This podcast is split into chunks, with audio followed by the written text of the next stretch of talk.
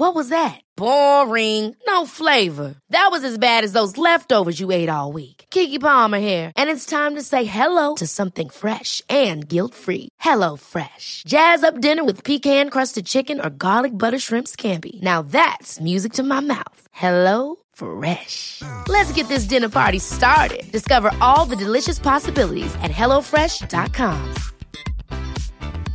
I'm Sandra, and I'm just the professional your small business was looking for. But you didn't hire me because you didn't use LinkedIn jobs. LinkedIn has professionals you can't find anywhere else, including those who aren't actively looking for a new job but might be open to the perfect role, like me. In a given month, over 70% of LinkedIn users don't visit other leading job sites. So if you're not looking on LinkedIn, you'll miss out on great candidates like Sandra. Start hiring professionals like a professional. Post your free job on linkedin.com/people today.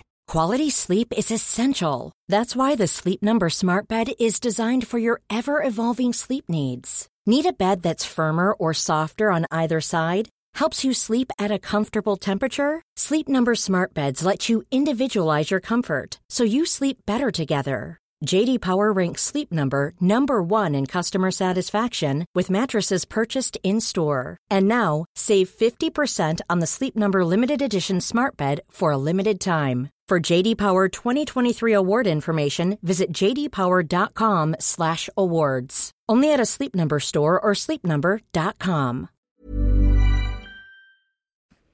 Hej och välkomna till ett nytt avsnitt av AV-podden med mig Antonia Fält Kotolinski. Och mig Hanna Karlsson! Woop woop! Woop woop! Äntligen lyckades vi komma igång med podden. Hanna har shuttle-runnat runt i sin lägenhet här och letat efter saker, glömt bort saker, tittat på mina skor, hämtat mellanmål, druckit vatten, glömt bort någonting, letat efter telefonen. Och nu är så här, min, eh, min toffla är borta och nu när jag sitter där så ser jag att den ligger där under. Under liksom en, en fotpall till en fåtölj så ligger tofflan liksom in, intryckt under. Ja. Nej, riktigt starkt. Riktigt starkt. Hur mår du Hanna? Oj förlåt, jag som sagt slängde med mellanmål så det var, ursäkta. Ehm, jag mår, eh, men bra, eller skulle jag säga, just det. Nu håller jag på att pilla med saker samtidigt. Jag mår, jag mår bra, Eh, jag mår bättre. Man kanske hör att jag fortfarande är lite täppt i min näsa. Och jag har ju haft någon sen vi poddade förra veckan. Det var ju då jag bara shit, jag mår inget bra. Ehm, jag vet inte om det Jag tror det varit en kombo av med PMS och att det är pollen. Ja exakt. För jag tror verkligen att du är mycket mer allergisk mot pollen än vad du har trott att du är. Ja! jag bara, och sen när Antonija frågade, jag bara hänt förut, jag bara alltså varje år så blir jag ju sjuk samma, samma tid. Exakt samma tid på, det är jättekonstigt. Jag Ja. bara, det är inte så konstigt. Nej.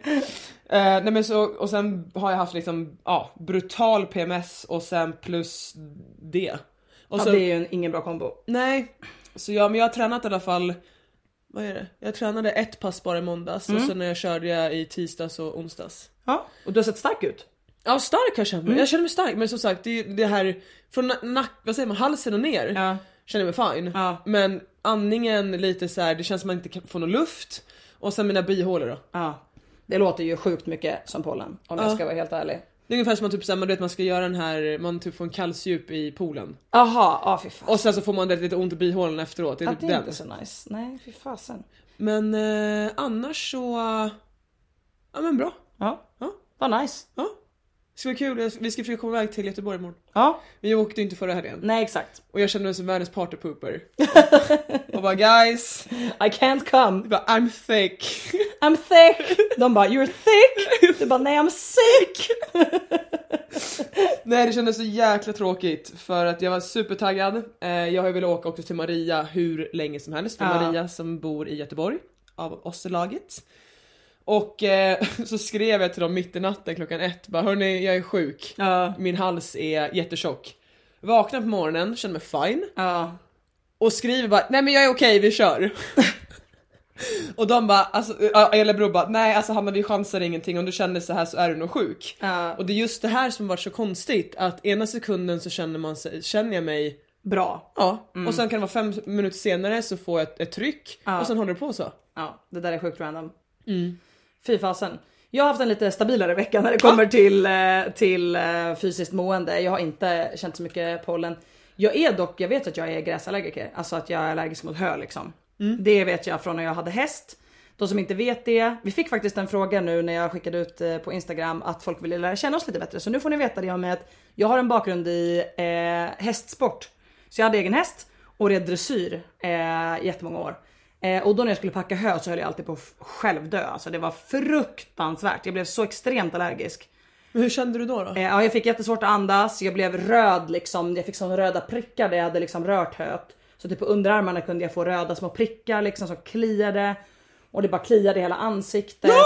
ja. För mitt ansikte, mamma i morse hon bara det ser ut som du ska sprängas i ansiktet. Jag bara mm. Ja, tack för det. Tack snälla. Ja, fin komplimang mamma. Eh, nej men så det känns ju väldigt mycket så när man blir liksom allergisk. Det är ju liksom en allergisk reaktion.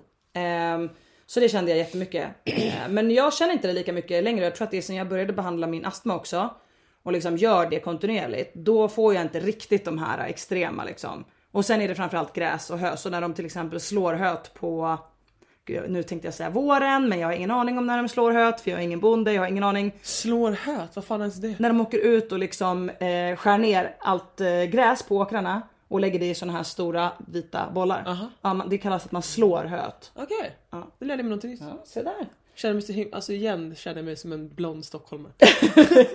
Men jag vet ju inte när man slår hö. Så någon där ute som har den kunskapen, snälla DM oss och berätta när man slår höet.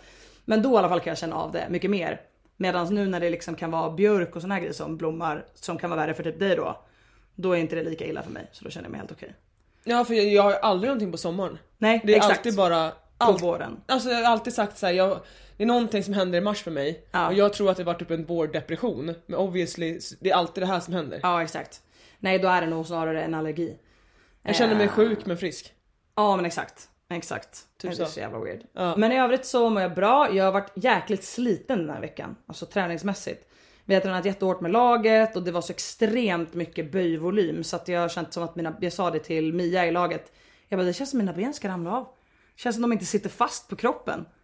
Eh, så jag har känt mig jättesliten och liksom Ja men så här, eh, jag ska inte säga nertränad men liksom vi tränar jättehårt just nu och liksom det är ju eh, när vi har eh, två veckor när laget är tillsammans så tränar man ju såklart mycket liksom och pressar sig själv hårt. Så att eh, jag försöker balansera det med lite liksom bra rehab och att försöka hålla igång mobility. Eh, och ja, bara försöka ta hand om kroppen liksom så bra som jag kan. Och sen är det bara att hinna liksom balansera det med jobb och allting. Ehm, så att eh, ja, det är lite sådär. Det är en balansgång. Men en bra nyhet till alla poddlyssnare är att i morse sålde vi vår lägenhet. Det vet Nej. inte, jo, det vet inte han heller om. Nej, alltså vi- jag och Antonija, vi, vi har inte setts på typ några dagar vilket är, känns jättekonstigt. Så vi sa bara vi pratar inte så mycket innan och så, så bara pratar vi i podden istället. Exakt. Men jag har gjort det! Mm, jag skrev på i morse. Alltså jag är så glad men Mm. ändå så ledsen. Men jag håller på ska typ skriva på för en lägenhet i Stockholm också så du behöver inte oroa dig. Nej. Men eh, nej men så nu har vi sålt den. Så det känns jätteskönt. Det är lite så här en stressgrej ändå eftersom vi faktiskt köpte ett hus före vi hade sålt lägenheten. YOLO baby. Så är det ju lite så här. mm. Men eh, eh, fun fact, det är faktiskt en kille i vår förening som har köpt lägenheten. Alltså han äger en lägenhet eh, högre upp i huset. Men han vill ha ett kontor så han köpte en till lägenhet för ett kontor. Alltså du, du Goals! skämtar du eller? Go- nej, goals! Nej men alltså va?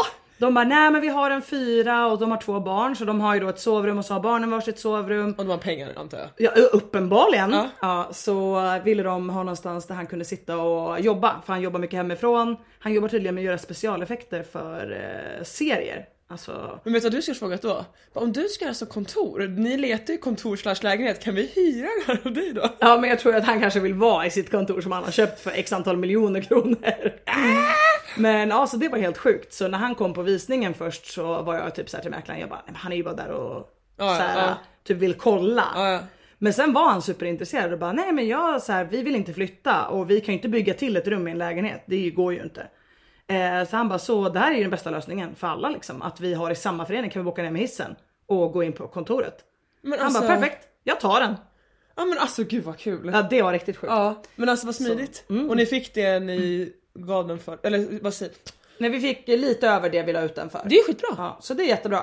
Så vi är jättenöjda. Vi vill egentligen inte liksom eh, dra ut på det här nå länge för att vi vill ju framförallt kunna tillträda huset eh, så att vi kan ha det i sommar liksom. Så nu ska jag, jag vet inte om jag har förklarat det här, så det är så Ni har en lägenhet i Stockholm, så ni har sålt nu. Mm. Ja. Ni har köpt ett hus i Eskilstuna. Ja exakt. Och nu ska ni också flytta ut från ert hus i Malung. Ja exakt, för vi har också ett hus i Malung. Och köpt, ni ska eller skaffa, hyra en lägenhet i Stockholm. Exakt. Där har vi det. Ja där har vi det. Ja. Eh, och jag förstår att det, det låter som att jag är en fastighetsqueen, men det är inte sant. eh, utan vi har köpt eh, huset i Malung köpte vi som ett fritidshus eh, utav Jespers pappa när han skulle sälja det. Och eh, husen i Malung kan man säga är eh, en halv kontantinsats Ja. till en lägenhet i Stockholm. Alltså, Totalt pris alltså, det det kostar stört. ingenting. Du kan köpa ett hus i Mal, liksom utanför Malung för typ 300-400 tusen. Alltså ett, ett fint hus liksom.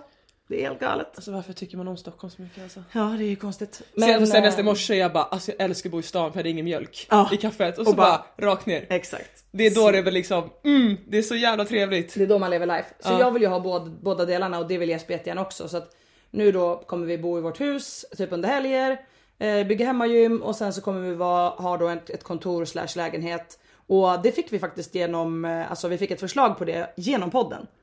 Så när jag pratade om det i podden så hörde en kille på Nordic av sig till mig bara, jag hörde i podden att ni letar efter kontor slash lägenhet.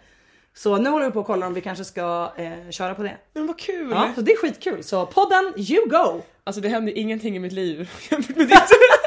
Men det gör det ju visst. Du ska ju ta körkort snart. Ja, försök nummer två. Men eh, ja, och på tal om det så jag har ju suttit, ja det var massa, massa andra grejer jag ville säga nu men jag kommer tillbaka till det. Ja. Eh, nej men vi, mamma och jag sitter ju och kör den här risiga, vad är det ens vi har? En Toyota. Kanske. Som är femväxlad, avgasröret ramlade ju av då. Just det. Åh herregud. så ni hör ju. Kvalitet. Luktar så här ingrott rök för det är min pappas brors gamla bil och han eh, var storrökare. Åh, ja. Ja. Och ehm, nej och så vi sitter nu, jag ska köra upp i Sollentuna då och vi åker runt i Sollentuna konstant. Och min mamma sa nu att min mamma är hård om folk känner henne. Hon är inte direkt den som säger så här, åh vad duktig du är. Hon är Nej. mer såhär, sist när vi började bråka, hon bara du måste fan gå en, vad sa hon? Måste gå en lektion och lära dig läsa kartor. Jag bara tack mamma. Nej men gud. Det är tuffa. Tuffa väljer ut. Och nu sa hon bara, alltså om inte du får körkort är det elakt. För hon också bara, det är så jäkla elakt på ett sätt också att du ska köra i Sollentuna, jag har ju valt det själv. Men de rondellerna och avfarterna som Mm. Är, är där, de är helt, alltså de är faktiskt svåra. Jag skulle säga att 50% av alla som kör där kör ju fel i rondellen ändå. Ja, för det är ofta så här en rondell Mm. och sen direkt efter rondellen är det en ny avfart. Och man hinner inte ens så reagera. Nej. Och de är inte jättelogiska. Nej. Och sen är det väldigt mycket det här, det är inte nytt, men det är nytt för alla fall för min mamma. mamma är, min mamma är 71. Ja det var det hon, nej hon fyller 70, hon ska fylla 71. Ja. Och hon har ju inte lärt sig det här att man kan ligga i två filer. Om Just det är en rondell som är väl trafikerad då kan man ju ligga i båda filerna. Och i vissa rondeller har ju tre filer också. Ja, just det. Och då kan man ligga i två filer fast man ska åka genom, genom Exakt. hela rondellen. Du kan ligga kvar i den Höger- mittersta till exempel. Ja, eller höger. Precis. Ja. Mm. Så det, ja, det är tufft men jag ska Alltså om jag missar Mm. nästa vecka då är det för att jag zonar ut. ja. För du kan det. Ja. Det vet vi. Exakt. Jag tror du kommer Och klara att det. det här då att om jag inte, om jag gör fel så ska jag inte bryta mot lagen utan jag ska ligga, förstå om jag missar en avfart då ska inte jag bara zoom som ni gör. Ex. Alltså du gör. Det här känner jag lite att vi vill stryka i podden, men vi har med det för att vi vill vara transparenta. Ja. Okej. Mm. ja men som du såhär, äh, skitsamma så, vet, så gör man en sån där, vad svänger höger ändå? Ja, man åker, man åker över heldraget fast en, eh, väldigt sällan gör man det. Men om det blir desperat så kan det hända. Ja men jag gör ju det här redan nu. Ja. För jag tycker det är så bekvämt och bara såhär Äsch, jag hinner. Ja. ja. Så då ska jag ju fortsätta bara i rondellen och säga jag tar nästa avfart bara. Ja. Men, Du vill fortsätta ett varv till i rondellen. ja men om jag ligger, det är det som är problemet, om jag ligger längst ut till höger. Ja, då så- får du inte göra det. Nej. Nej, det stämmer ju. Nej, men då då ska alla de där processerna ske i mitt huvud Gode gud. och det blir kaos. Shit, alltså ni som där ute som har körkort, tänker ni verkligen så här? Jag tänker bara att det löser sig. Är det någon i vägen? Nej, då löser det sig. Ja, men ja. Och jag har en grej också, det här låter jättekonstigt och det låter ju väldigt farligt. Men jag är faktiskt en bra, bra tycker jag ändå, driver. Mm. Att när jag kollar bak, alltså nu vrider jag huvudet, eh, när jag kollar döda vinkeln och liksom lite över. Mm. Ja. Jag har jättesvårt med balanssinnet ibland. Så då vrider du med ratten? Ja. Och Det gör vissa. Ja. Det vet jag. ibland händer det. Eh, och jag kommer ihåg samma sak när jag var fotbollsspelare.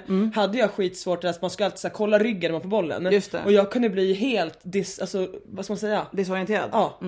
Och jag vet inte varför. Nej men troligtvis något med balansen om du svänger jättefort på huvudet och sen svänger tillbaks huvudet snabbt att det blir liksom att kroppen inte hänger med. Nej. Det är, jag tycker det är jättejobbigt. Jag vet inte, det är någonting med synen, jag har ju glasögon men jag ska inte ha de glasögonen när jag kör. Nej. Men Det- du får ju försöka kolla bara liksom snabbt över axeln och försöka att inte göra för stor rörelse av det säkert. Ja, det är ju det.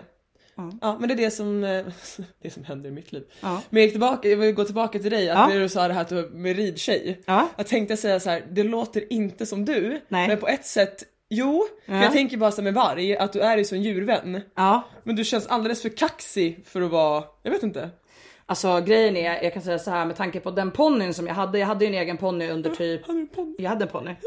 Eh, En D-ponny, så hon var ju inte jätteliten. Nej. Hon vägde typ 450 kilo ändå liksom, Ja, ja, och var typ en och, så här, hon var väl typ 1,46 i mankhöjd.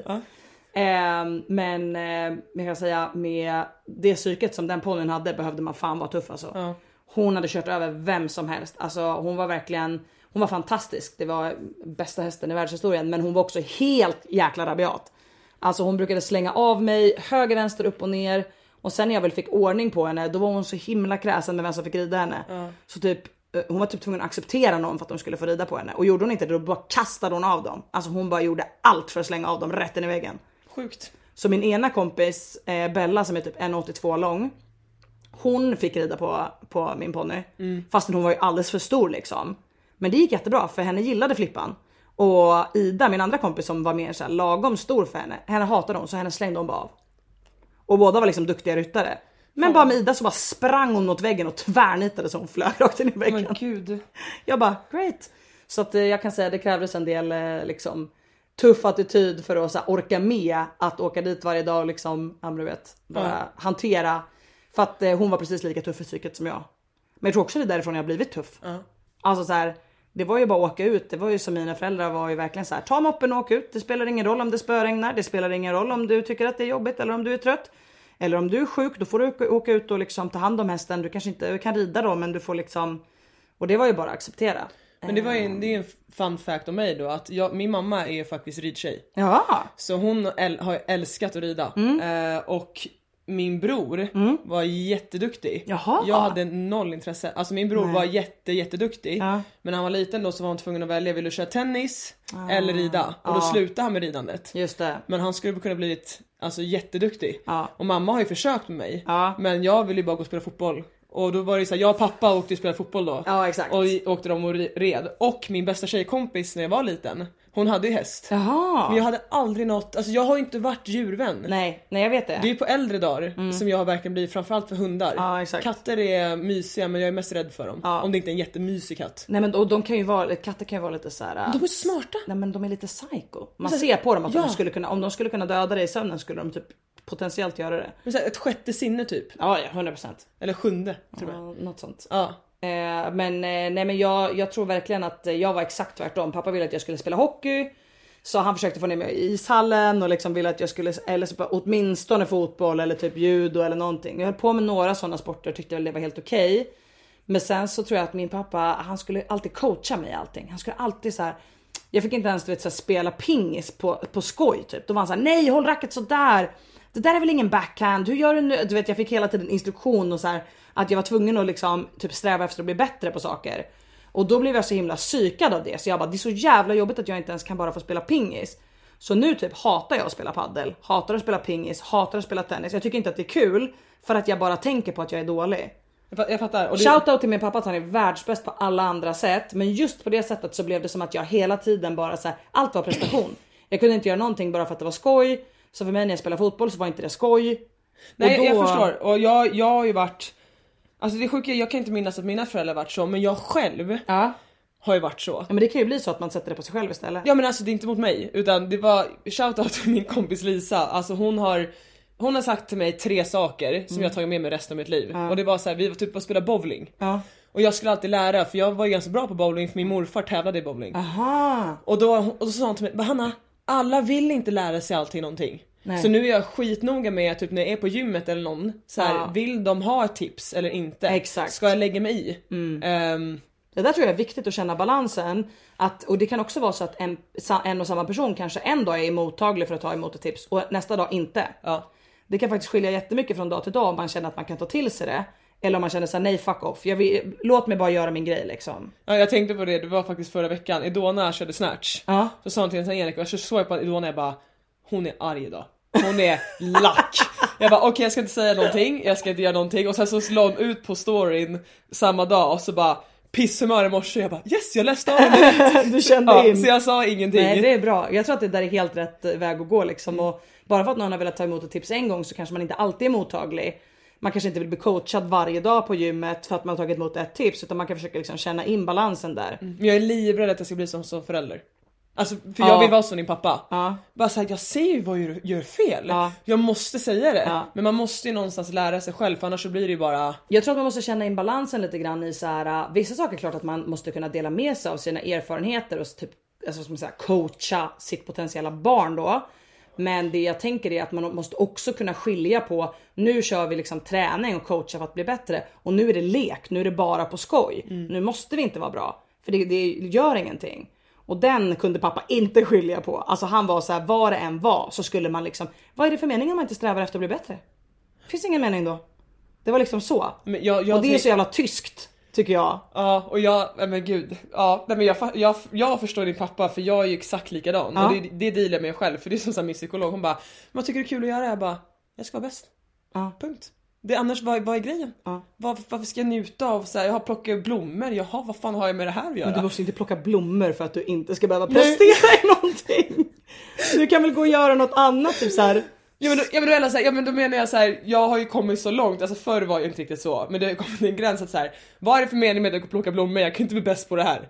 Förstår du? Jag njuter Du kan ju bli värsta professionella blomplockaren. Ja men, eller sen när jag plockar blåbär, då ska jag plocka mest. Ja. Det var alltid jag ska vara värst, jag ska vara bäst. Jag måste ju också erkänna att jag blir ju gärna absolut psykotisk om jag inte vinner i saker. Men jag har försökt ta ett steg tillbaka och bara känna så här. Jag kan till exempel spela golf nu bara för att det är kul. Jag måste försöka bara tänka att så här, det, blir, det är ett roligt umgänge. Och om jag försöker överprestera i allt jag gör i livet så kommer jag liksom inte orka mentalt. Nej, alltså golfen för mig skulle ju vara kul att ta upp igen för det skulle, skulle jag känna att det, jag är bra på det, Mm. jag vet att jag kan slå. Så det, jag skulle aldrig känna att jag kanske vill tävla igen. Nej. Men just long drive, det skulle jag vilja tävla i. Just det. Så jag, ja. Men, eh, Men ja. gör det när du känner att du känner dig redo liksom. Ja. Vi måste ta en sak innan vi går in på veckans ämne som vi ändå redan har pratat lite om faktiskt. Eh, men det är veckans värsta workout. Ja.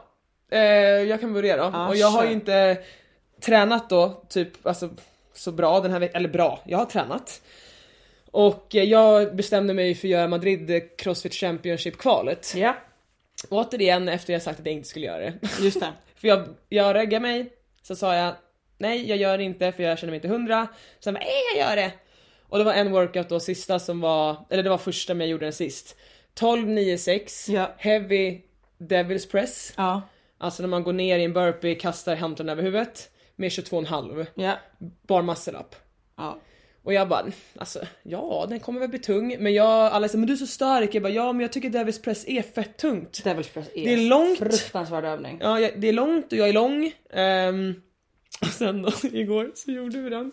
Och då var det från minut 0 till 7 den workouten. På Ja. minut 7, två minuter max calorie på rodden. Ja. Och jag bara hur ska jag kunna komma undan den här utan att bli flåsig liksom? Alltså så att det får... Jag skulle säga hashtag omöjligt. Ja. Och då pratade jag med Max Oliverstrand och bara ska jag dela upp det? Han bara men kör 8-4 muscle up. Mm. Ja. Vad gör du? Går upp, åttan, nej vi kör nio. Och så på tian jag bara Nu är det bara två "He- kvar. Here we are again! Ja. så hoppar jag ner på Kan tolv, hon hålla en gameplan? Nej. hoppar ner på tolvan, kollar på Nathalie och bara jag bränner mig. och, sen så fort, Åh herregud. och sen fortsätter hon bara hoppa upp och gör i alla fall 6-3. Ja. Vad gör du då? 7, 8, Ja, 9. nio. Och bara ja mitt grepp är ju, ja. Nu är jag här. Nu är jag här igen. Men jag hann i alla fall klart den. Ja, För jag tänkte ge upp efter åtta Devils Press för att jag bara kände såhär, jag har inga, jag har ingen go. nej. Och sen satte jag mig på rodden och jag, Nathalie bara 15 sekunder, jag bara jag vill inte ro. Alltså jag kan inte ro. Hon bara nu kör du. Ja. Och sen så kör jag och lägger mig på ett okej tempo. Max bara lite fortare om du kan. Jag bara nej det kan jag inte. För jag ville inte få den här panik. Nej. Men det fick jag ju ändå. Jag fick ju den här du vet, alltså vet när man inte använt lungorna det bara bränner, man känner Ah. luftröret som en, Nej fy. ja. Nej fruktansvärt. Den var fruktansvärd. Ja nej och jag menar när man redan har gjort den där 1296 med eh, Devil's Press bara muscle up Då känner jag bara så här, då är det bara att börja ro för man vill Ja. ju fasen inte behöva göra om det. Nej, och du vet hur alltså, ändå bra jag kan ro. Ja, ja, ja, verkligen. Och det var inte katastrof. Nej, Men vad, vad fick jag? Två minuter 48 kalorier. ja men det är bra. 24 Ja, men- i minuten. Ja. Ja men jag kan ju. det är klart du kan mer men kanske inte efter den work... Eller så här, du kunde inte mer efter den workouten i den inte- formen du var den nej, dagen. Nej, Punkt. punkt. Ja det var min workout. Ja gud. Eh, den värsta som jag har gjort den här veckan måste nog ha varit intervallerna vi gjorde i förrgår. Eh, nej vad skojar jag? Igår. Eh, jag, jag gillar att jag tänkte att det var i förrgår. Nej men igår. Eh, då hade vi ehm, ehm, sex minuter, eh, alltså every six minutes. Så skulle man göra 16 kalorier ecobike och det var tvungen att vara klart under en minut så man måste liksom ändå cykla på. Sen hade vi då eh, då hade vi 11, 9, 7. Jag blev psykad för du sa 12, 9, Sex. Ja, vi hade 11, 9, 7 med toast to bar och barfacing burpees. Och eh, sen var det en time cap då på 4 minuter på varje runda. Och sen började man då igen på runda, alltså på minut 6. Ugh. Så att, och sen gjorde man det fyra varv. Ugh. Det var riktigt jävla vidrigt för att coren blev ju helt bränd på burpeesarna tillsammans med toasterbaren. Och när du hoppade upp på cykeln då för varv två då var du ju ändå tvungen att cykla typ minst 70 rpm som tjej. Och för att då klara det under en minut. Så du tvingas ju in i hög puls redan från början och sen tvingas du in i att bränna din core på de första 11 toasterbaren och 11 barfacing burpees. Och sen är det ju bara lida liksom nian och sjuan. Och så hade Phil råkat skriva att det var fem varv för oss. Men sen så läste de andra, de, för de andra sa att de hade typ kräkts under workouten. När de hade gjort den tidigare i veckan. Och då sa de men vi hade bara fyra varv. Så då eh, skrev Mia till Phil bara är det, är det fem varv? Han bara nej förlåt det är fyra. Hon bara tacka gud. så vi körde fyra varv. Så att, eh, men den, den var man riktigt bränd. Alltså så här, varje varv var tufft och man blev mer och mer bränd i coren. Så det kändes bara som abs on fire och sen var man tvungen att cykla fort. Så att det var ju liksom så här tvångsmässigt tempo. Jag tycker det är rätt kul. Men du vet ju också, jag kan ju slappna av lite på ecobiken. Ja ja och den, alltså, den var ändå kul alltså på ett sätt men den var också väldigt jobbig för att den blev så lokalt jobbig för magen tyckte jag. Jag tyckte inte heller det var jättesvårt att hålla 16 kall under en minut liksom. Alltså, här, det är inte något som blir jättesvårt men går man ut hårt och så bränner man magen då är det inte så nice att hoppa upp och göra 9 och 7 toaster bara sen även om man är bra på det Nej. Så den var faktiskt tuff. Eh, men jag gillade den. Den Jag- kan man testa om Jag kan ju bara slänga in, det var en annan workout, nu får du två, den är jättekort. Ja. 50 barfacing burpees, remaining time, det var time cap på 5. Ja. Cleans på 60 kilo. Ah. Men det var så här, också så här, jag gjorde ju bara burpeesarna, sen så trodde inte att stången skulle bli så tung. Nej men det känns jättetungt då. Ja det är bara så här, ja, det, då kände jag också så magen och jag bara mitt flås. Ja, nej man är helt bränd alltså. Ja. Och sen det var ju också en workouten innan var ju massa på Madrid var ju också toasterbar på dagen. Ja, dagen så man var redan liksom ganska Mm, fritatas. Fritatas. Fritatas. Ja, Men eh, ska vi gå in på eh, veckans ämne? Vi fick ju en massa bra... 26 minuter in. Fan vad grymt. Eh, det här är hemskt. vi är bra på att prata. Ja. Men eh, vi fick en massa olika bra förslag eh, via min Instagram idag. Och vi vill bara säga tack så jättemycket för alla dem. Vi kommer ta upp fler utav de här. Det var några som undrade, eh, jag tyckte vi skulle prata om semifinaler. Det var några som tyckte att vi skulle prata om eh, en massa andra saker. Så att vi tar upp de ämnena och vi är jättetacksamma. Så vi kommer spara dem och sen så kommer vi ta upp dem eh, framöver. Men den som vi fick eh, som vi tyckte att vi kunde koppla ihop två olika var eh, liksom hur vi hanterar eh, det mentala och det psykologiska i både träning och tävling. Och sen var det också en eh, tjej som skrev om att hon har så extremt svårt att äta under tävling. Och tänkte att det hänger ju väldigt mycket samman med liksom mentaliteten och psykologin. För att att du inte kan äta under tävling har ju ofta att göra med att du till exempel är jättenervös och kroppen liksom är i det här flyktläget som vi har pratat om innan. Ehm, så vi tänkte väl egentligen att vi skulle ta upp eh, de två sakerna i kombination. Ehm, och vi kan väl börja med träning, Ja. tänker jag. Ska du börja? Ska jag starta? Alltså? Nej men fritt fram om du... Fritt fram. Nej men jag kan väl säga att jag är väl typ ganska mycket i den resan. Mm, verkligen. Eh, vad var, det var mentaliteten i träning. Ja men vad- exakt, alltså så här, psykologi kring liksom träning. Så här, hur tänker vi kring träning? Kanske typ vilka, jag tänker så här, vilken press sätter man på sig själv? Alltså lite grann så här, hur hanterar man den pressen? Eh, för frågan var ganska öppen, men jag tänker att där kan vi ju liksom lite grann gå in på de olika ämnena eh, mer djupare som vi känner att de, vi relaterar till liksom. Men jag kan börja med vad jag har varit. och det var väl alltså, det var väl en wake up call typ. Jag tror det var tre år sedan. Och jag mådde jättedåligt varje, eller inte jag mådde dåligt men det var så här, jag kände press varje gång jag skulle till gymmet. Ja. Det var också för att jag hade, då jobbade jag som sjuksköterska fortfarande och kände så att jag inte var där jag ville vara utan ehm, jag ville ju vara och träna men istället åkte jag och jobbade så jag Ja. tränade ju innan jobbet Eh, och jag tyckte det var jättetufft att ehm, träna innan jobbet och då när jag kom dit efter så var jag så här för att jag inte fick det optim- jag cyklade ju ofta på förmiddagen och då ville jag verkligen ge allt på det passet efter jobbet. Ja, Och då kände jag alltid liksom att, ja men så här, det var inte ens kul. nej. Ingenting såg, jag ville prestera allting, åh hoppas att jag blivit så här bra i masslaps den här gången. Ja. Eller hoppas det här och så blev jag så besviken. Och eh, nej men då, då blev jag tillsagd och var så här, alltså då tränade jag ju med mitt ex. Och då var det så att han sa nu är det nog. Ja. Det, för det här funkar inte längre. Alltså du kan inte må så här dåligt eh, när du tränar och det var verkligen jättebra att han satte ner foten. Mm. Ja. Och efter det var det så här att jag kände, då kände jag inte det längre. Alltså jag bara så här, okej det ska inte vara så mycket press. Ehm, det ska inte vara så här varje träningspass, det tar bara bort allting. Exakt. Och så kunde jag inte se skillnaden för jag blev också ofta exalterad med exal, vad här exaltation, hur säger man det i plural? Men gud. Att Mm. ja, men någonting som ska vara nervöst och kul blev ångest Ja. istället. Exakt. Ja. Där snarare är nu så känns det verkligen så här att det var en dag igår. Det är en dag imorgon också.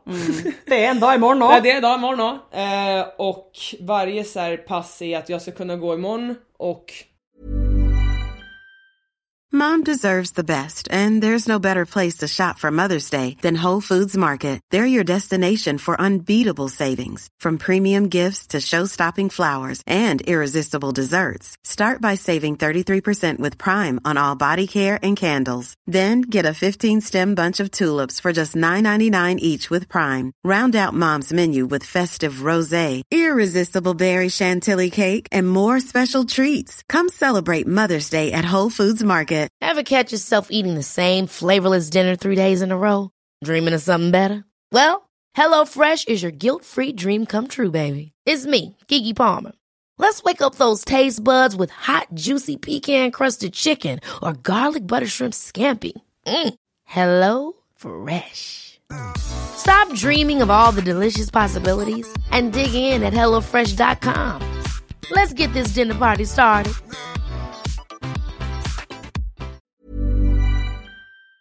Känna att jag kan träna. Eh, om jag vet att så här, det står det här passet kanske en onsdag, det ska, gå väl, det ska vara jättehårt den här dagen och så vet jag att jag vilar imorgon. Okej då vet jag det här passet kan jag ha lite mer press på mig, att det ska Exakt. vara lite jobbigare. Men annars så ser jag det så. Ja. Och som du säger så här, den här, vi säger den här veckan som varit ganska tuff för mig då förra att jag har varit sjukt svullen, jättetung. Jag har inte haft någon flow i gymnastiken, alla striktdansar push-ups och då försöker jag bara allting. Okej, du gör så här nu när du väger 85. Tänk då vad du gör när du väger 80 bara igen. Ja, alltså man får hitta små, små saker och så att det inte äter upp en. Ja. Eh, eller i måndags då tränade jag ett pass när jag började träna igen. Och sen så skulle jag träna andra passet och jag bara nej men det, jag känner mig inte hundra så jag skiter i det. Ja. Och då börjar direkt min den här Åh nu måste jag bryta ihop, nu måste jag här. Ja. Och då stoppar jag mig bara nej. Det är inte end of the day, gå ut, det är fint, alltså det låter jättetöntigt men Det är fint väder, ta en promenad. Eh, och sen så bara så här, nu, nu bestämmer du dig att du inte ska bryta ihop. Det är inte att jag sköt undan känslan utan bara det är så här. Ja. Och så kanske det blir bättre imorgon. Ja exakt. Nej men det tror jag är himla rimligt och jag menar för mig så har det ju varit liksom för mig har det tagit ganska många år att komma till den nivån jag är idag. Alltså nu är det ju typ åtta år sedan jag började med crossfit. 2015 började jag på hösten i och för sig. Men ja, så nästan åtta år. Och jag tror för mig har det alltid varit att jag har sett liksom, vad ska man säga, eh, jag har sett det som ett långsiktigt mål att bli bättre. Så jag har såklart liksom firat de små framgångarna så här. Om jag gör någonting bra på träning, klart jag blir glad liksom. Men jag är mer typ att så här, jag är på en, en liksom längre resa. Jag ser hela tiden att så här, allt jag gör nu, allting jag puttar in, all, all effort som jag lägger in i det här kommer att generera någonting i framtiden. Jag vet det. Ehm, och för mig har ju det verkligen varit så. Eh, att när jag liksom har lagt in kontinuerligt arbete, jag har liksom tränat bra, då får jag resultat. Men jag har ju också sett människor i liksom vår närhet nu som gör allting rätt och som tränar på rätt sätt. Men där det ändå kanske inte går deras väg. Och det tror jag liksom Alltså jag tror att jag har den här jag försöker förklara att typ, jag tror att jag har den här inställningen och har kunnat vara stark i den inställningen för att jag har haft turen av att det har gått framåt för mig hela tiden. Förstår du vad jag menar? Mm. Ja. Medan jag ser vissa människor där jag är så här, det är så jävla orättvist att det inte går bättre för henne eller det är så jävla orättvist att det alltid händer någonting. Det är så jävla orättvist att eh, det här liksom ska dyka upp nu. Eh, eller att människor till exempel tränar och tränar och tränar och liksom att bli starkare tar så extremt lång tid för dem. Och det är så extremt mycket effort som går in och det går så långsamt och jag förstår ju att det blir en sån jäkla frustration. Vi menar då att jag och Antonija tycker, eller som du förklarar nu då, Ja. att du tycker att du kanske gör exakt lika mycket, den andra personen gör lika mycket jobb. Ja. Men det blir inte samma utveckling. Man får inte lika mycket betalt för det liksom. Och jag menar jag försöker bara förklara att så här, det är lätt för mig att sitta och säga så här, ja men jag har alltid haft tålamod och jag har sett det som en lång resa. Men det är klart att det är lätt för mig att säga för att varje år blir jag bättre. Det är faktiskt så. Ja. För varje år blir jag bättre och jag har blivit mycket mer, eh, kommit till mycket mer insikt kring det de senaste typ 2-3 åren. Eh, framförallt när liksom nära vänner till oss har hamnat i situationen där de liksom inte går framåt eller det händer någonting som får dem att snarare backa och man liksom ser hur det tär på någon. Då har jag blivit mycket, mycket mer insiktsfull kring liksom att så här, jag ska nog inte ta för givet att så här, det är bara att ha det här tålamodet och jobba på för då kommer det betala sig. För det gör inte det för alla heller.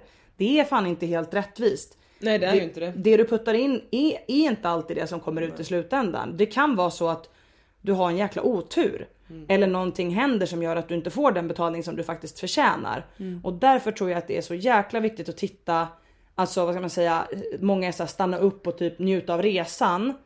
Men att fira de här små grejerna när det faktiskt går framåt. Och våga fortsätta vara positiv kring de grejerna även om det är så att man i vissa grejer backar.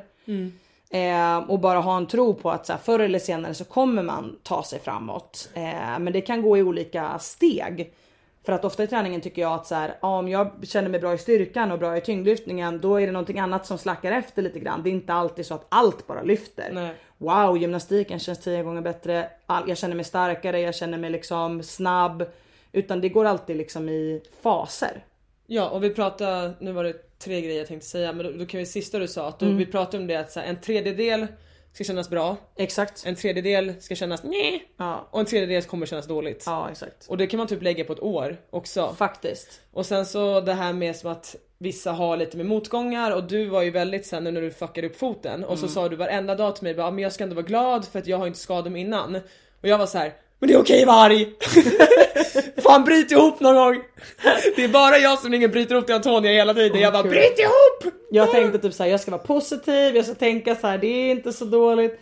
Men alltså jag, jag ska verkligen vara så här. vi pratar mycket om att man ska vara transparent och liksom prata om saker. Och det är klart att jag har varit ledsen eh, över foten. Och det är klart att det känns skitorättvist att jag liksom lyckas hoppa ner från ett rep, landa på repstumpen, ren jävla otur.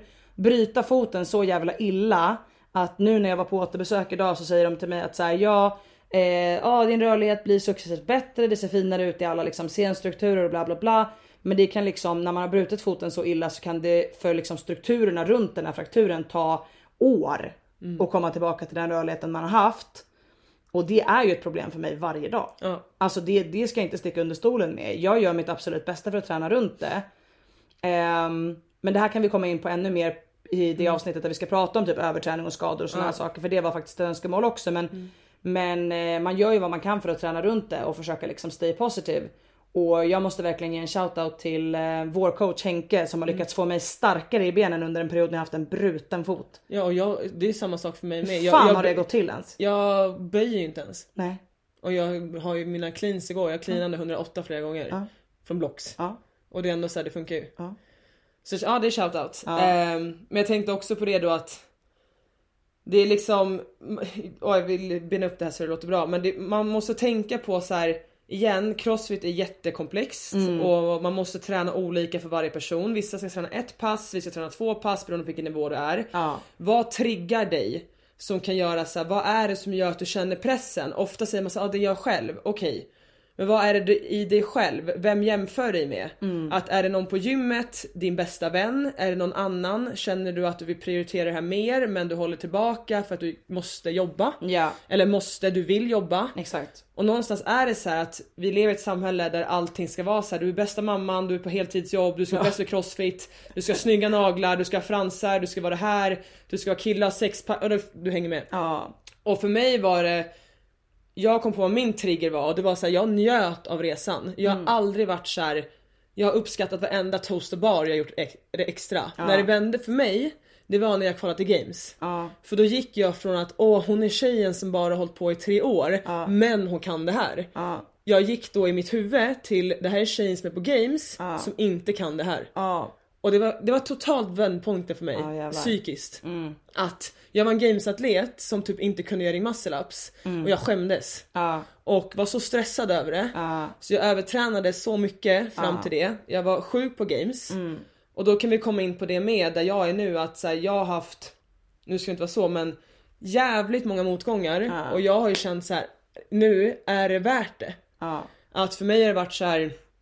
Jag vet inte hur många gånger jag har velat bara så här. Nu skiter jag i det här. ja, För jag vet inte och därför vill jag skapa ett liv utanför nu Ja. med så jag känner att om jag kommer till en punkt att liksom, ja men jag säger jag har gjort benlängdsförlängning, jag opererar höften, jag opererar knät flera gånger efteråt, jag opererar bort halsmandlarna, sjuk, vaccinet, sjuk igen, Mm. jada jada och visst man kan ju så här se över, är det någonting jag gör fel? Och vilket man ofta tänker, jag gör någonting fel, fel, fel. ja, Men vad kan jag kanske göra bättre i någonting annat? Alltså, och där är så individuellt. Att vad är det som triggar, vad är värt? Och det är svårt och det är så här, jag har ju sagt att jag har aldrig tvekat en sekund på att när någon frågar mig är det här det livet du vill leva?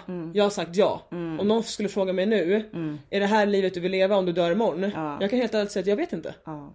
Och jag, man vå, jag vågar tänka de tankarna. Jag tror att det är så viktigt. Ja och så här, då måste du till dig om du är motionär elit, alltså så här, elitmotionär att vad är det som är viktigt, vad triggar dig, varför vill du bli bäst, alltså vad grundar sig det här i? Vad är det du tycker är kul? Ja, Och jag kommit till säga jag vill göra crossfit för jag får utlopp i mig själv och jag känner mig så jävla cool. ja, Det är liksom det, är det jag håller i mig nu. Sen om inte jag kommer fram till om ett år eller någonting att det är inte värt det, nej, då är det inte det. nej, Men att man får liksom, just det här, vad, vad triggar dig att du mår dåligt? ja exakt. Vad är det för någonting? Nej men vad är det som skapar den här prestationsångesten liksom? Ja. För att jag tror att det är så himla viktigt att liksom särskilja sin identitet från liksom den atleten man är också. Att så absolut en stor del av min liksom identitet är ju att alla vet så åh men Antonia tränar jättemycket och liksom hon tävlar i crossfit och eh, ja men som du säger hon har varit på games och liksom Vi bla är bla liksom bla. en doer. Ja absolut, exakt. Men jag försöker liksom också identifiera mig som en doer i andra saker i livet som du säger. Och det där har ju vi pratat jättemycket om, alltså så här, både för dig men liksom också för mig. Att så här, varför fortsätter jag jobba och liksom varför fortsätter jag göra saker på sidan som är eh, kanske annorlunda mot någon som hade satsat heltidsproffs i crossfit liksom. Och det är just för att jag vill ha andra värden och jag vill värdera mig själv i andra områden också och känna liksom att jag, jag har någonting annat att falla tillbaka på. För att det är skört och det här har vi pratat om i tidigare avsnitt men det är jätteskört. Jag, jag bröt foten. Ja, det, det hade kunnat hända att jag inte hade kunnat göra det jag kan göra idag. Men då hade inte jag kunnat tävla något mer. Nej. Och jag tror att det jag kampas med mycket och så många är så att jag önskar att allting kom naturligt. Ja, Förstår du? Att det är så här, ja jag får vara elitatlet, det räcker. Mm. Eller att jag tror många elitatleter, de som kanske är de bästa, att det är så här, de är lugna i sig själva. Nu pratar vi om väldigt få personer, det Ja. måste ni förstå att så här, de är lugna i sig själva, de känner inte att de behöver något mer behov just nu utöver det. nej.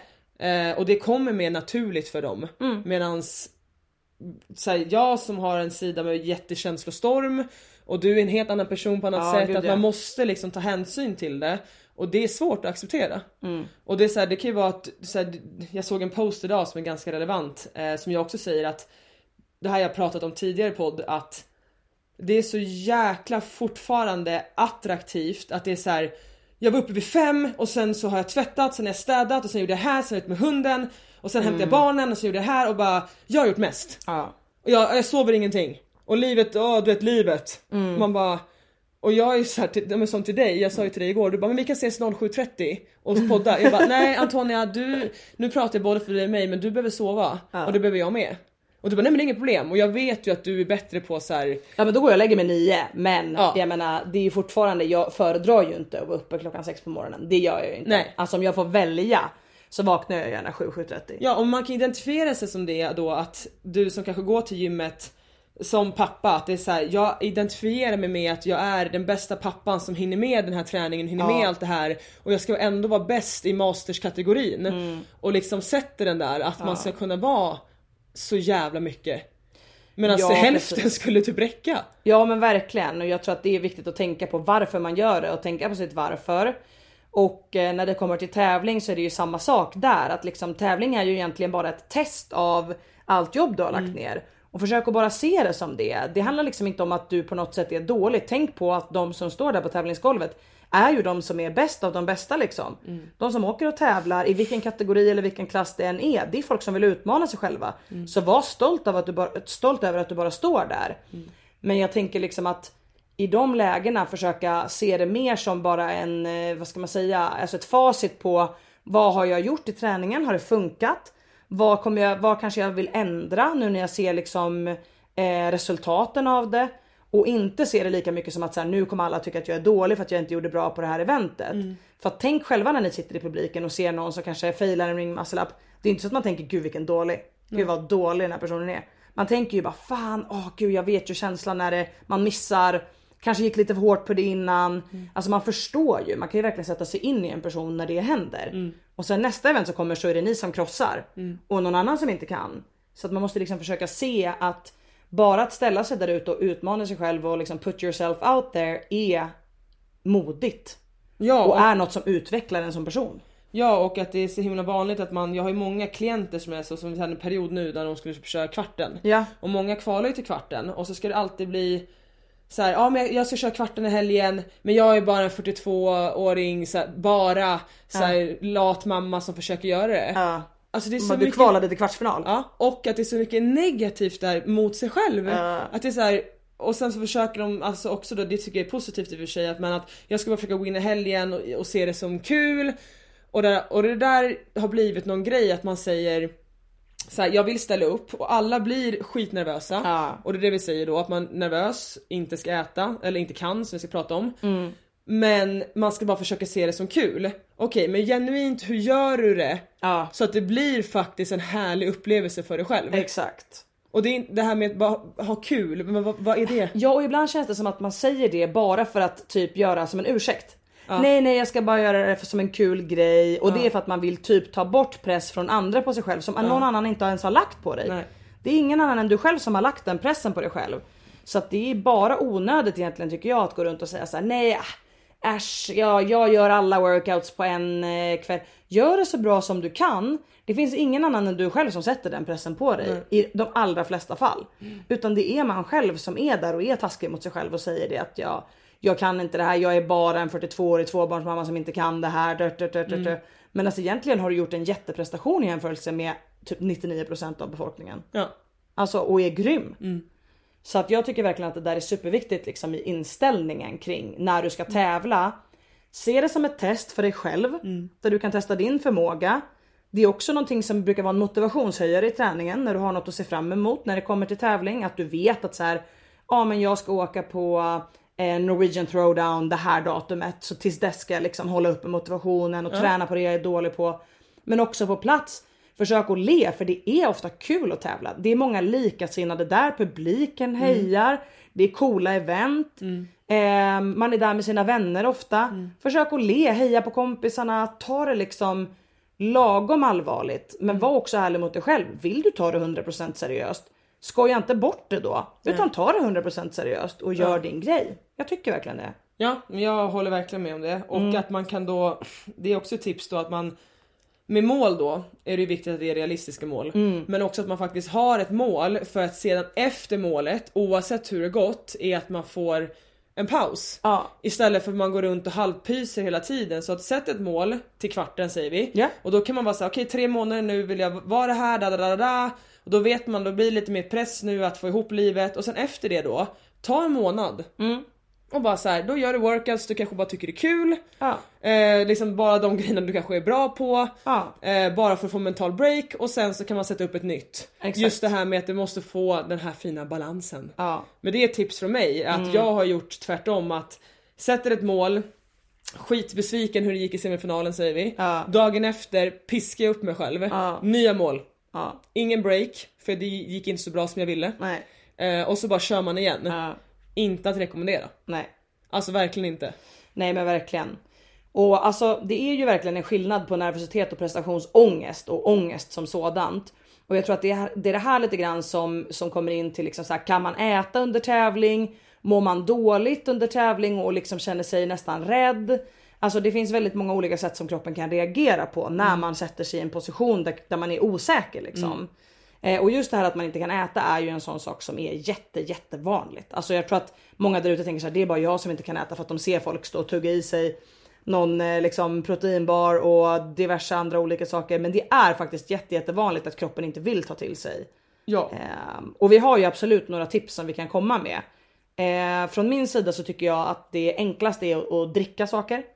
Om det är jobbigt att tugga grejer för att om maten känns som att den liksom växer i munnen på en och så ska man liksom tugga någon jäkla nötfärs med något ris och liksom så här, det smakar inget gott. Så jag brukar försöka ha med mig såna här små barnmats eh, squeezes, alltså med eh, typ smoothie. För att de är superlätta att ta direkt efter ett event. Man bara klämmer i sig en sån där. Ofta är det typ 13-14 gram carbs i en sån där. Och den är söt och god. ehm, och väldigt så lätt. För att man dricker den ju liksom. Du behöver inte tugga på någonting. Eh, sen är jag en jättestor godisätare under tävling. Eh, och det är främst för att det är så små bitar som det funkar bra för mig. Så typ om jag kommer efter eventet så kanske jag tar typ en sån här liten gummibjörn. Och sen så typ eh, ska jag gå och stretcha då tar jag tre stycken med mig dit. Och sen så ska jag gå och cykla ner då tar jag med mig några stycken dit. Och det blir så himla lite som ska ner åt gången. Eh, och då försöker jag hålla upp det under liksom hela dagen. Att jag liksom hela tiden försöker småpeta i mig energi så att det inte blir att jag måste sitta där med min vad ska man säga dunderstora lunch och bara oj jag ska få i mig allt det här. Det kommer aldrig gå. Nej. Och tipset är väl såhär, kolla event, om man kan hur eventen ligger. Så att det är tre event under en dag, om det är en dags tävling. Okej det är lite längre mellan andra eventet och tredje. Eh, ta med dig en matlåda, någonting som du brukar äta men som är typ jättelätt ätet. Alltså jag säger typ alltid potatismos, typ häll i, alltså, eller pasta som du har haft smör i. Som är väldigt lätt att bara liksom få ner. Ja. Ehm, och att man lär sig att så här, se maten lite som så här, vad ska man säga? Okej, Bränsle, du kan, inte, du kan inte köra bil utan att tanka den. Nej, och att du går in i ett event och är så här, så här fokuserar jag är nervös inför det här. Lika mycket ska du fokusera, okej nu är eventet klart. Nu måste jag fokusera på att komma ner i varv. Jag, det är s- släpp det, liksom ha 20 minuter, en halvtimme, älta det. Och sen om du nu är missnöjd eller liknande. Och sen fokusera. Eller fyra om du är jättenöjd. Ja det var det. Ja. Och sen då fokusera på, okej jag måste få i mig någonting. Och jag tycker det är liksom så här att maten har blivit lika viktigt för mig som själva alltså eventen. Så då blir det liksom inte nervös, förstår du? Jag vet inte riktigt hur förklara det, att det blir så självklart för mig. Ja men exakt, du måste göra det. Det är också en prestation i sig att faktiskt liksom vad ska man säga, eh, tanka dig själv Ja. rätt för liksom att kunna prestera. Ja, och sen då så här, okej vi säger att det inte gick, tog inte med en matlåda, då är det så här, okej så fort event 3 är klart och eventuellt ska du tävla dagen efter igen, då är det så här, hem, vad fan kan jag få i mig? Och försök få i dig då liksom så mycket som du kan utan att liksom magen, för ofta när man äter så konstigt så Också så man bajsar ut hälften. Alltså mycket mer än vad, mat, än vad kroppen hinner ta upp och processa för att man har nervös mage. Eh, så det är liksom Försök få i dig så mycket du kan som ändå liksom är någorlunda bra näring i. Skulle jag säga. Ja men det tror jag är väldigt rimligt och också att liksom inte stressa upp sig för mycket över det här med maten. Om det är så att du har som, som Hanna säger tre event på en dag och mellan eventen så känner du sig jag klarar inte att äta lunch. Alltså det går inte för det var så den här tjejen skrev. Hon kan inte äta någonting. Då är jag så här. Okej, men vad kan du i övrigt få i dig som kan ge dig energi under dagen? Jo, men du kanske kan få i dig smoothie, du kanske kan få i dig någon typ av frukt, du kanske kan få i dig... För kolhydrater är ju ändå det som är viktigast att du petar i dig under själva dagen. Ja. Sen som Hanna säger, direkt efter sista eventet, iväg. Och ofta efter sista eventet så blir jag katastrofhungrig. Alltså då är det som att hela min kropp bara, nu, huh, nu är vi klara med det här. Ah, nu måste vi äta. Och då blir det panik. Och då bara ät, ät och ät. Mm. Och då brukar jag försöka äta först en stor jäkla middag. Framförallt så brukar jag fokusera på protein och fett då faktiskt för att det har jag inte fått i mig under dagen. Jag har petat i mig mycket kolhydrater. Mm. Men sen brukar jag alltid fokusera på att efter middagen så ser jag till att jag har ett kvällsmål redo. Så att då får jag liksom i mig alla de kalorierna som jag då kanske har missat under dagen. Då får jag typ i mig på kvällen genom att äta både middag och ett kvällsmål. Så att jag försöker liksom lite kompensera för dagens förlust på kvällen och det funkar faktiskt ganska bra för mig som jag ätit lite för lite under dagen. Men jag har hållit mig liksom gående på kolhydrater och andra typer av, av liksom lättdruckna ehm, liksom, ja, kolhydrater. Då kan jag på kvällen fylla på alla de här andra grejerna i ett stort mål om det är så att liksom, jag har varit för nervös under dagen. Men sen är ju ett tips eh, när man känner så här, tävla mer. Ja. Tävla oftare, åk på fler tävlingar. Till slut så kommer din kropp att vänja sig vid att så här, att vara på tävling är inte panikångest. Att vara på tävling är helt okej. Vi kommer såklart vara nervösa. Det är klart att du inte kommer känna samma aptit som du gör hemma. Det är liksom inga konstigheter. Men du kommer i alla fall släppa den här panikkänslan av att så här, det går inte, jag vill bara kräkas liksom hela tiden. Så den känslan kommer bli bättre och bättre ju mer du tävlar, är jag övertygad om. Ja, och det är så här, det är flera andra as- aspekter som spelar roll. Så här, nervositet är en grej, men endorfiner gör också att du inte blir hungrig.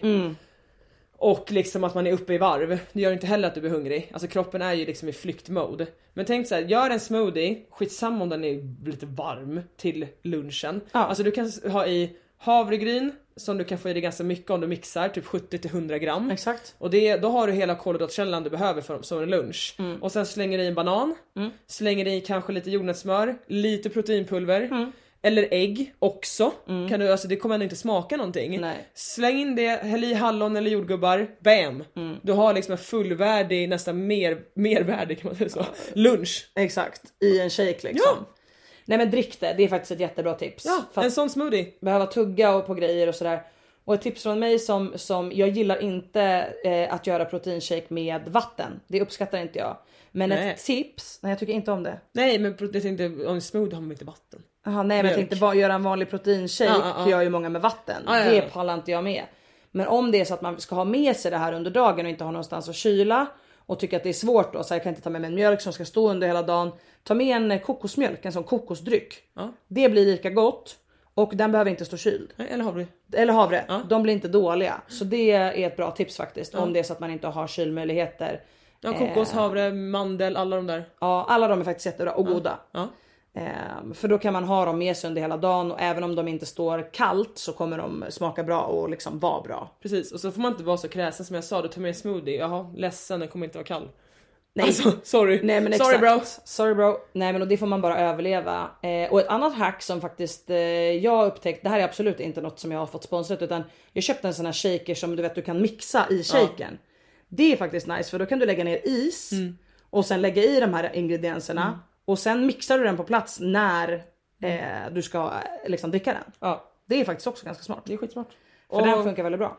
Kolhydrater, köp. Du kan köpa de som har elektrolyter i sig, alltså alla elektrolyter.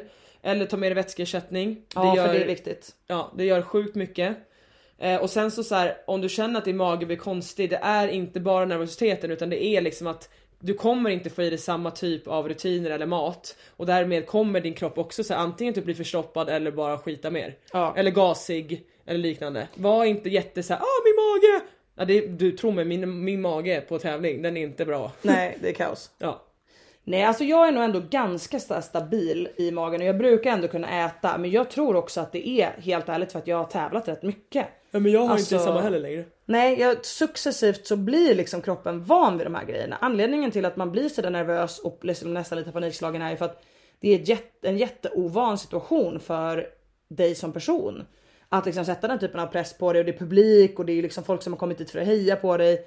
Den pressen har man ju normalt sett inte liksom. Men ju oftare man har den desto mer van blir man att hantera den. Eh. Och då lugnar sig magen successivt och så kommer du kunna äta. Så okej, tipsen. Eh, liquid föda, smoothies, eh, barnmat, eh, kolhydrater i vätskeform, elektrolyter, vätskeersättning Ja. eh, så att man verkligen får i sig den vätskan man behöver. Koka fucking cola. Koka Fucking cola! En vanlig koka fucking cola. Alltså Ja, det är ni som episkt. dricker läsk, under tävling och dricker zero läsk. I What the hell? What the hell are you doing? No! No! No! Ta med socker. Alltså socker är inte din fiende. Socker under tävling är din vän. Ja, och just Coca-Cola har koffein i sig också, Ja. lite lite grann.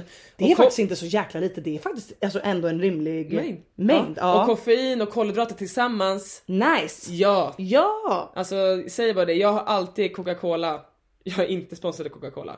Nej det är inte jag heller. Jag önskar att jag var det. Ja. Det hade varit nice. Yes, och vi kanske inte ens får säga det, skitsamma. Men det är episkt. Ja men det är bra. Mm. Nej men det ehm, och se till att liksom hålla upp eh, koffeinnivåerna. Ta en Nocco. Ja, Ja. exakt. Men som sagt ersätt inte Eller en PVO. Eller en PVO, Ja. men inte för många. Alltså att in, bara ta koffein och PVO och inte äta. Nej. No, no, no, no. Nej nej. nej. Där har vi redan skita på G. Ja det, det har vi verkligen. Ja. Ja men det är väl lite tips och igen, nervositet som du har på tävling ska du absolut inte ha på träning. Nej. Det är få gånger du ska känna så här när du kanske har de här jag vet många säger såhär assault bike, nu heter inte ens det längre. Ecobike intervallerna. intervaller. Ja. Det är liksom någon få gång du ska känna så här: jag vill gråta, jag vill inte göra det här. Ja. Det är så få gånger du ska pusha det så hårt. ja exakt. I För kroppen håller inte för det upprepade tillfällen i Nej. veckan liksom. Nej. Nej men så att ta med er det verkligen och sätt inte den pressen på er själva. Vi har liksom en leaderboard workout i veckan som vi pushar Ja. stenhårt på. I övrigt så är det nästan alltid en lite lägre liksom ansträngning. Det är hårt men det är doable. Ja exakt, all out är inte vägen till framgång. Nej. Alltid. Nej. Och eh, hörni, vi har fått jättemånga andra önskningar så jag tänkte bara eh, säga att vi kommer ta upp dem. Vi har fått att vi ska ta med en amatörgäst, någon som har precis börjat med crossfit. Det låter som ett sjukt kul avsnitt. Ja. Ehm, jag tycker att eh, vi ska ta upp, jag fick från Mia här att hon tyckte vi skulle prata om hennes hund Luna och min hund Varg. Alltså. De har en liten romans. Men jag tror inte att det blir ett helt avsnitt. Nej. Nej. Nej. Nej. Och, eh, vi har haft, eh, haft folk som pratar, eller som frågar om att vi ska prata om då eh, hur man balanserar och har ett heltidsjobb och en annan karriär med träning och satsning, vilket vi också ska ta upp. För det tror jag verkligen att hålla den balansen är superintressant. Och jag har jättemånga från förra veckan också. Ja. Ja. Eh, vi ska prata om semifinalerna, vi ska prata om överansträngningar och skador. Så att eh, stay tuned, det kommer och vi kommer ha eh, flera gäster med oss de kommande veckorna. veckorna så att ja, stay in there. Yes, och vi pratar ju väldigt, vi har långt intro men det är ju så ni vill ju lära känna oss också. Ja, det var faktiskt ett önskemål så jag skyller 100% på den superhärliga tjejen som skrev att hon ville lära känna oss bäst, bättre. Eller hur? För nu fick hon eh, en full background. Ja, lite grann i alla fall. Ja, det Ja. var bra. Ja. Men då säger vi, vi håller oss här nu till en timme. Titta vad duktiga vi har varit! Ja! Det är bara när Camilla är med som vi tappar det totalt. Ja, verkligen. så, då ses vi igen nästa vecka. Ja det gör vi. Ja. Ha det bra så länge. Ha det så bra! Hej. Hej.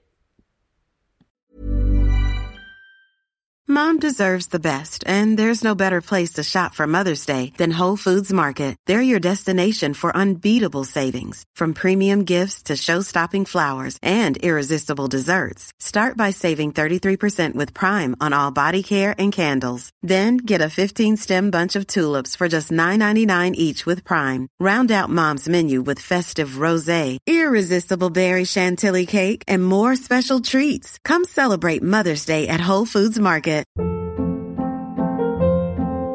Hold up. What was that? Boring. No flavor. That was as bad as those leftovers you ate all week. Kiki Palmer here, and it's time to say hello to something fresh and guilt-free. Hello Fresh. Jazz up dinner with pecan-crusted chicken or garlic butter shrimp scampi. Now that's music to my mouth. Hello Fresh. Let's get this dinner party started. Discover all the delicious possibilities at hellofresh.com. Hey, it's Paige DeSorbo from Giggly Squad. High quality fashion without the price tag. Say hello to Quince. I'm snagging high-end essentials like cozy cashmere sweaters, sleek leather jackets, fine jewelry, and so much more. With Quince being 50 to 80% less than similar brands. And they partner with factories that prioritize safe, ethical, and responsible manufacturing. I love that. Luxury quality within reach. Go to quince.com slash style to get free shipping and 365 day returns on your next order. Quince.com slash style.